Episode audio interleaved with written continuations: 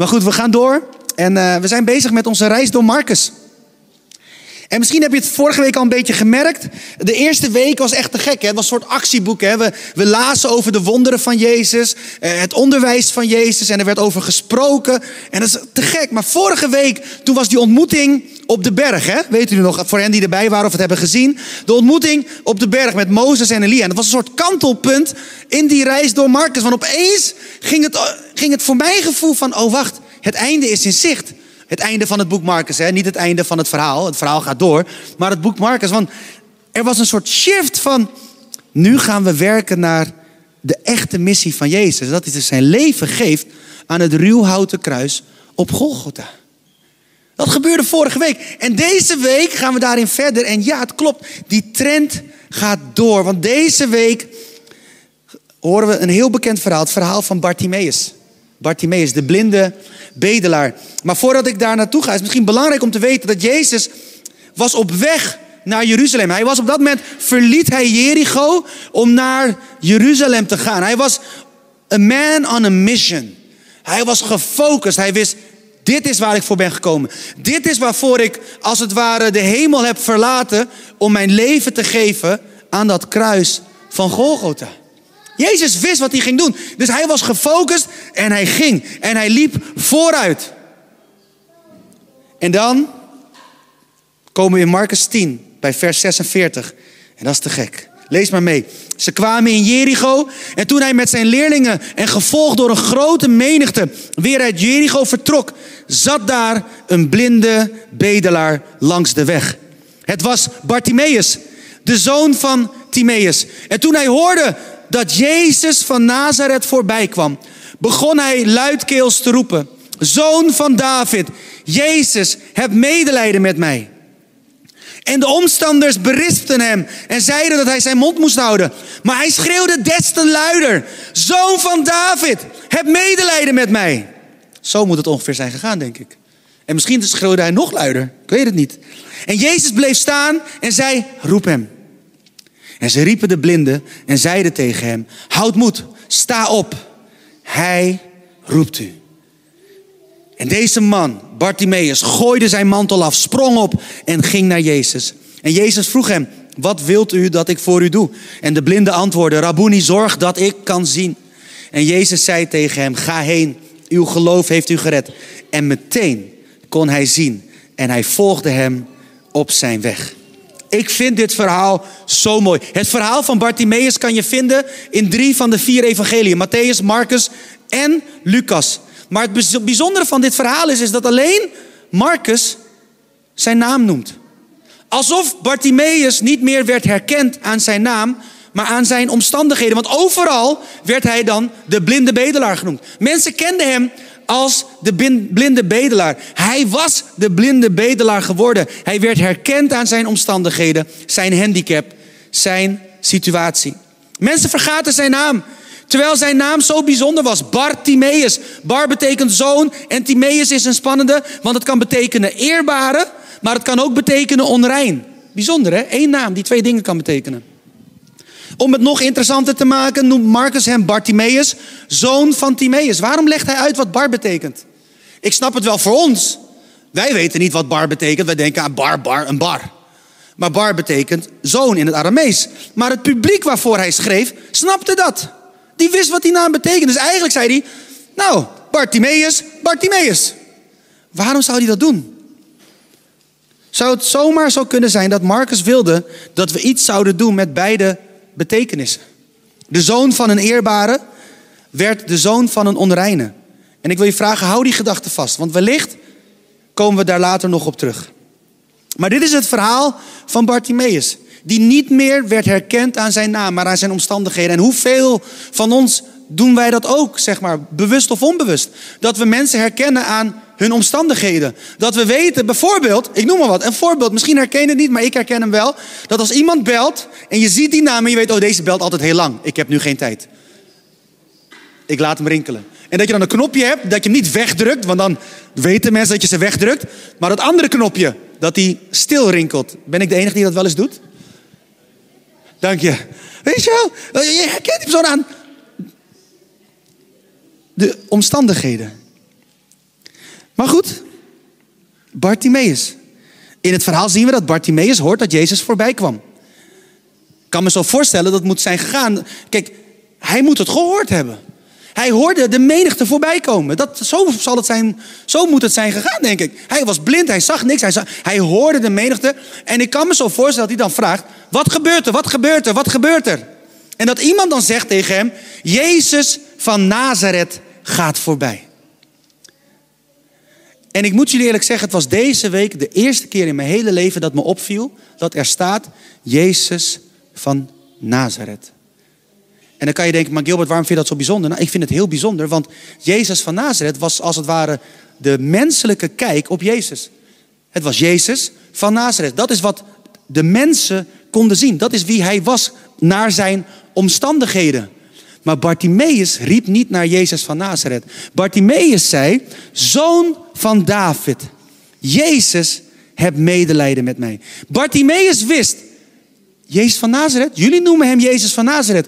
Maar ik noem hem zoon van David. En zoon van David was voor die mensen het teken dat hij het had over de Messias. Iedereen wist, het moment dat hij riep, zoon van David, dat hij de Messias aanriep. En misschien daarom dat mensen ook zeiden, hou je mond, hou je mond, stil. En die man had niks te maken. Hij schreeuwde from the top of his lungs. Hij zei, zoon van David, heb medelijden met mij. Dat is mooi, want de tweede keer liet hij Jezus gewoon weg. Hij zei alleen Messias, de gezalfde, de redder. Heb medelijden met mij.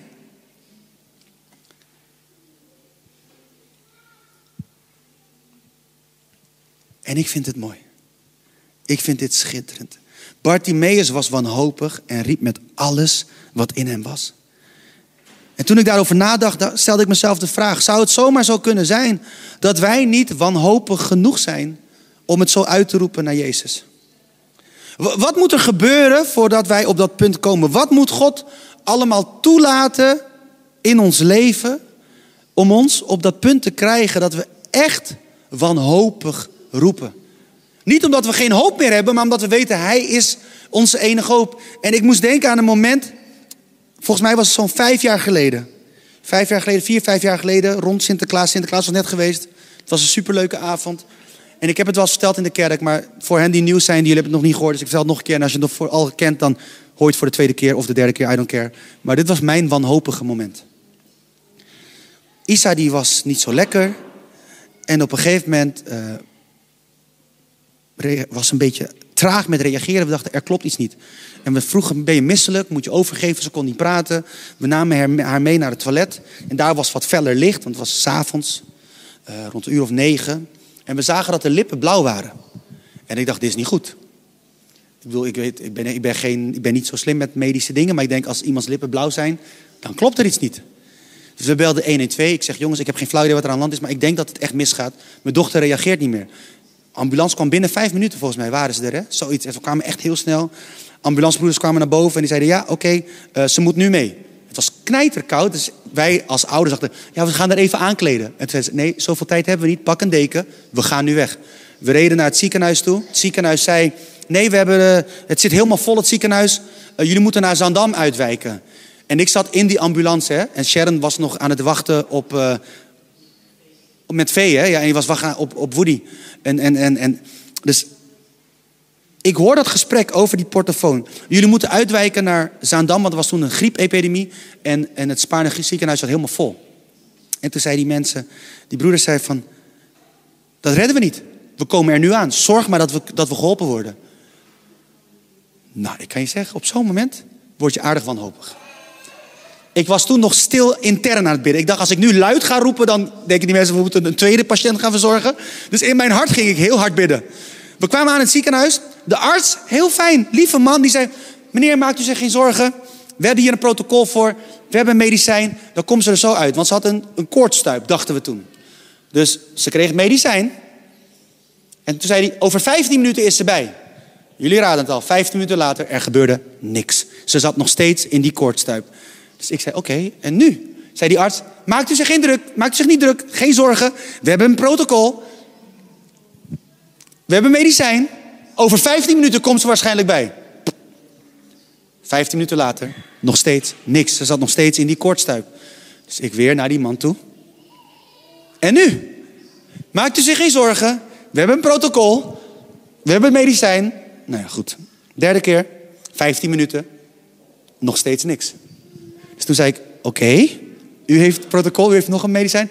Hij zei, nu hebben we niks meer. Ze moet nu naar het, naar het VU-MC.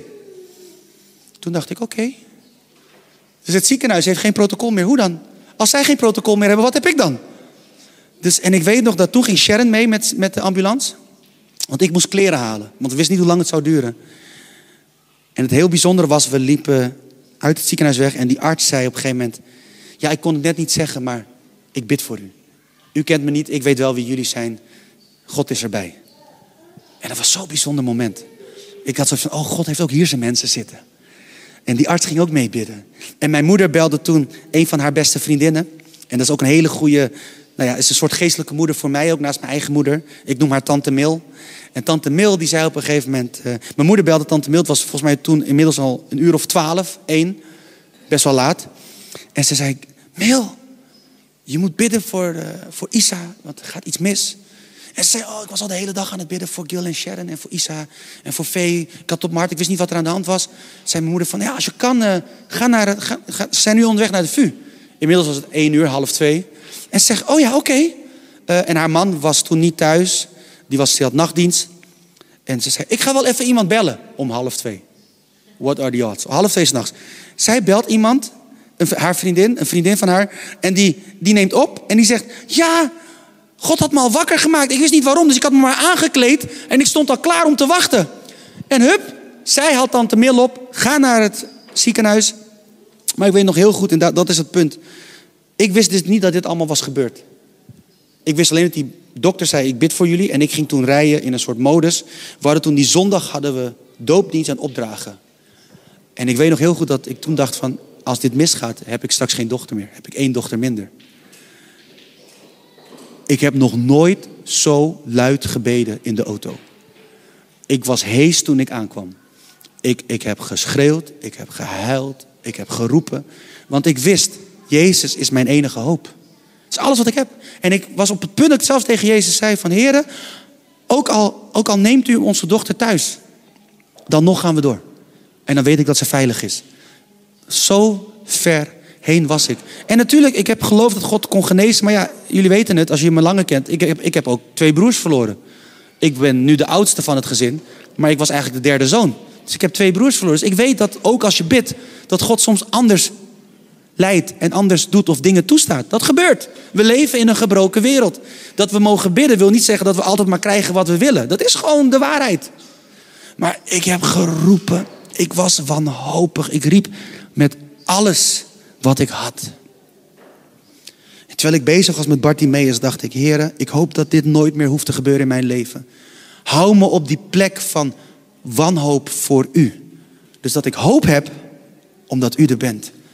Maar dat wanneer ik de kans krijg om te bidden, wanneer ik de kans krijg om te roepen naar u, dat ik dan niet die houten Haarlemmer ben, die we zo kunnen zijn in Haarlem, maar dat ik dat kind van God ben die met alles roept. En dat is mijn verlangen, dat we een kerk zijn die hongerig is voor God, voor zijn tegenwoordigheid, voor zijn nabijheid. Dat we echt zoiets hebben, ja, maar als we God niet hebben, dan hebben we niks. Dan kunnen we al onze talenten bij elkaar zetten en dan zijn we een leuk motivational groepje wat leuk bezig is. Maar als Jezus er niet is, dan heeft het geen nut. Gewoon niet. En ik hoop dat, dat het niet zo ver hoeft te komen dat God dingen toelaat in ons leven, waardoor we weer moeten gaan roepen en weer moeten weten, op die plek komen van wanhoop, dat we alleen maar weten, u bent onze enige hoop. Dat alles wegvalt waarop je bouwt. Maar als dat nodig is om op ons die plek te brengen, dan weet ik dat hij dat doet omdat hij van ons houdt. Want dat is de beste plek om te zijn, lieve mensen. Waarbij God alles is en al het andere je gestolen kan worden. Je had vroeger een liedje. Uh, dat uh, Give me Jesus, it's more precious than silver or gold. En dat zong ik dat zo leuk mee, want het was een hele mooie melodie. Het was een heerlijk lied. Maar die woorden zeggen van give, just give me Jesus. Al het andere kan me gestolen worden. Alleen Jezus. Of dat lied wat Eline heeft geschreven samen met Anne. Van ik wil niets liever dan Jezus Hem alleen. Wil niets liever. En dan zingen we dat met elkaar. Maar ik denk, weten we wel wat we zingen, lieve mensen? Is het echt waar of willen we stiekem nog andere dingen? Volgens mij is het beste leven het leven waarin Jezus alles is. En gisteren in onze connectgroep hadden we het over allerlei dingen die zijn gebeurd, ook in de evangelische wereld, charismatische wereld en dingen. En een van de dingen die voorbij kwam was de prosperity teaching. En, en toen zei ik van ja, ik was in El Salvador en daar liet een mevrouw mij zien wat echte prosperity is.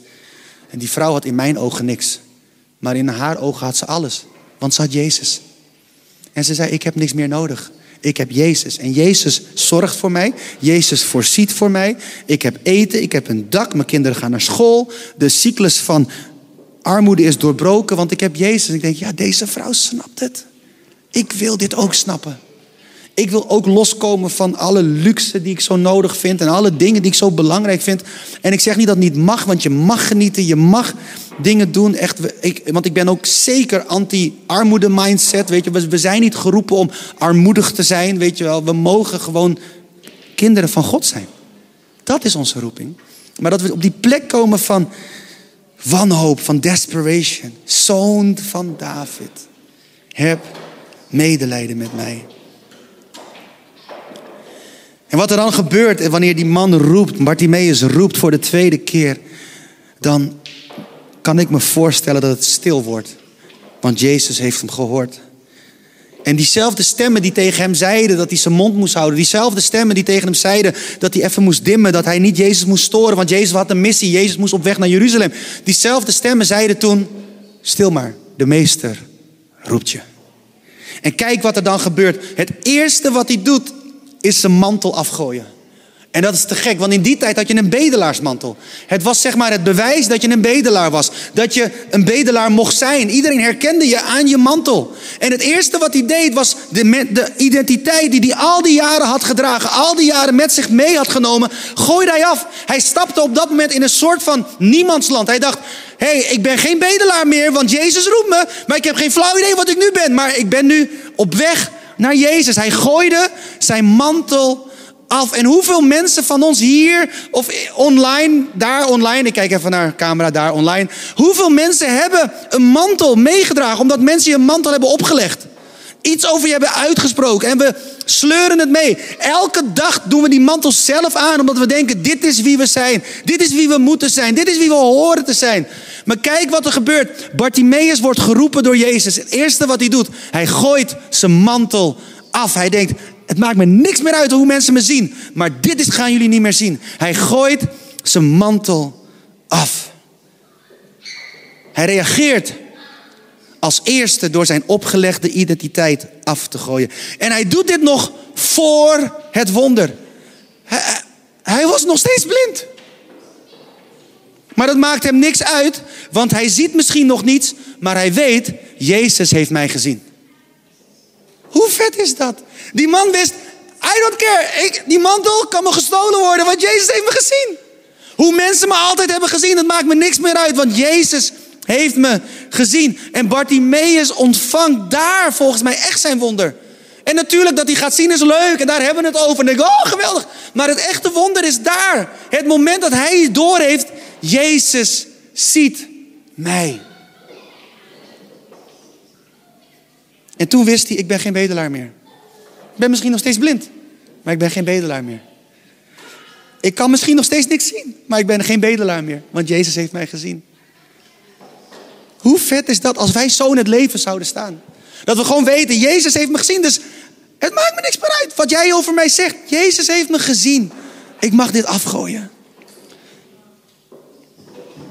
Bartimaeus ontvangt zijn wonder van Jezus omdat hij bleef roepen toen er niets gebeurde. Hij riep toen mensen zeiden dat hij stil moest zijn. Hij riep dwars door zijn duisternis heen. En weet je, volgens mij is het verhaal van Bartimaeus ons verhaal. Wij allen zijn bedoeld als zonen en dochters van de eerbare met een hoofdletter E. Maar door de zonde zijn wij onrein geworden. Misschien zou je zelfs kunnen zeggen dat we het onreine zijn gaan eren. En dat heeft ons geestelijk blind gemaakt. Maar toen kwam Jezus voorbij. Jezus gaat voorbij. En weet je dat ik nog zei aan het begin? De zoon van een eerbare werd de zoon van een onreine. Nou, door de ontmoeting met Jezus werd hij weer een zoon van de eerbare. En zo kunnen wij ook weer kinderen van de eerbare zijn. Simpelweg door te roepen naar Jezus. Door te weten dat Jezus ons ziet en dat Hij naar ons toe komt. Dat Hij ons roept en dat Hij zegt, kom maar. Kom maar. En het maakt niks uit wie je bent, waar je vandaan komt, wat je hebt gedaan. Het maakt niks uit uh, welke mantel je nu met je meedraagt. En ook als je thuis kijkt, ik weet niet welke mantel jij met jou meedraagt. Het maakt niks uit wie je bent, wat mensen over je zeggen, wat je hebt gedaan. Maar dit is jouw moment. Jezus gaat voorbij. En niet omdat ik het zeg, maar omdat we hier samen zijn in de naam van Jezus. En de Bijbel leert ons waar twee of drie eenparig in zijn naam vergaderd zijn, daar is Hij in het midden. Hij is hier. Jezus gaat voorbij. En misschien ben jij hier, kijk je online of ben je hier en denk je van, oh boy, ik ben niet meer zo wanhopig voor Jezus. Want eigenlijk gaat het wel goed. Eigenlijk heb ik het niet nodig. En als ik dat zeg, zeg ik het net zo hard tegen mezelf. Ik moest weer teruggebracht worden naar dat moment van vijf jaar geleden. Ik dacht van, oh ja, zo was het om echt wanhopig te zijn voor Jezus. Het, het stom is, je kan onbewust gaan bouwen op de dingen die je hebt. Dat doen we. In ieder geval, ik doe het. Misschien jullie niet, ik er wel. Dat je onbewust kan gaan bouwen. Oh ja, dan uh, eind van de maand, dan komt er weer geld. Dan kan ik weer dit doen, dan kan ik dat doen. Zus doen, zo doen. Oh ja, ik kan weer sparen. Maar wat nou als alles wegvalt? Wat heb je dan nog echt?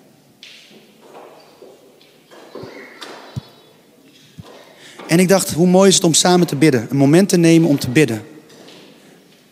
Of je nou hier bent of thuis kijkt, dat we een moment nemen om samen te bidden. En samen naar Jezus te gaan. En samen aan Jezus te vragen, Heer, help mij om op die plek te komen waar u alles bent.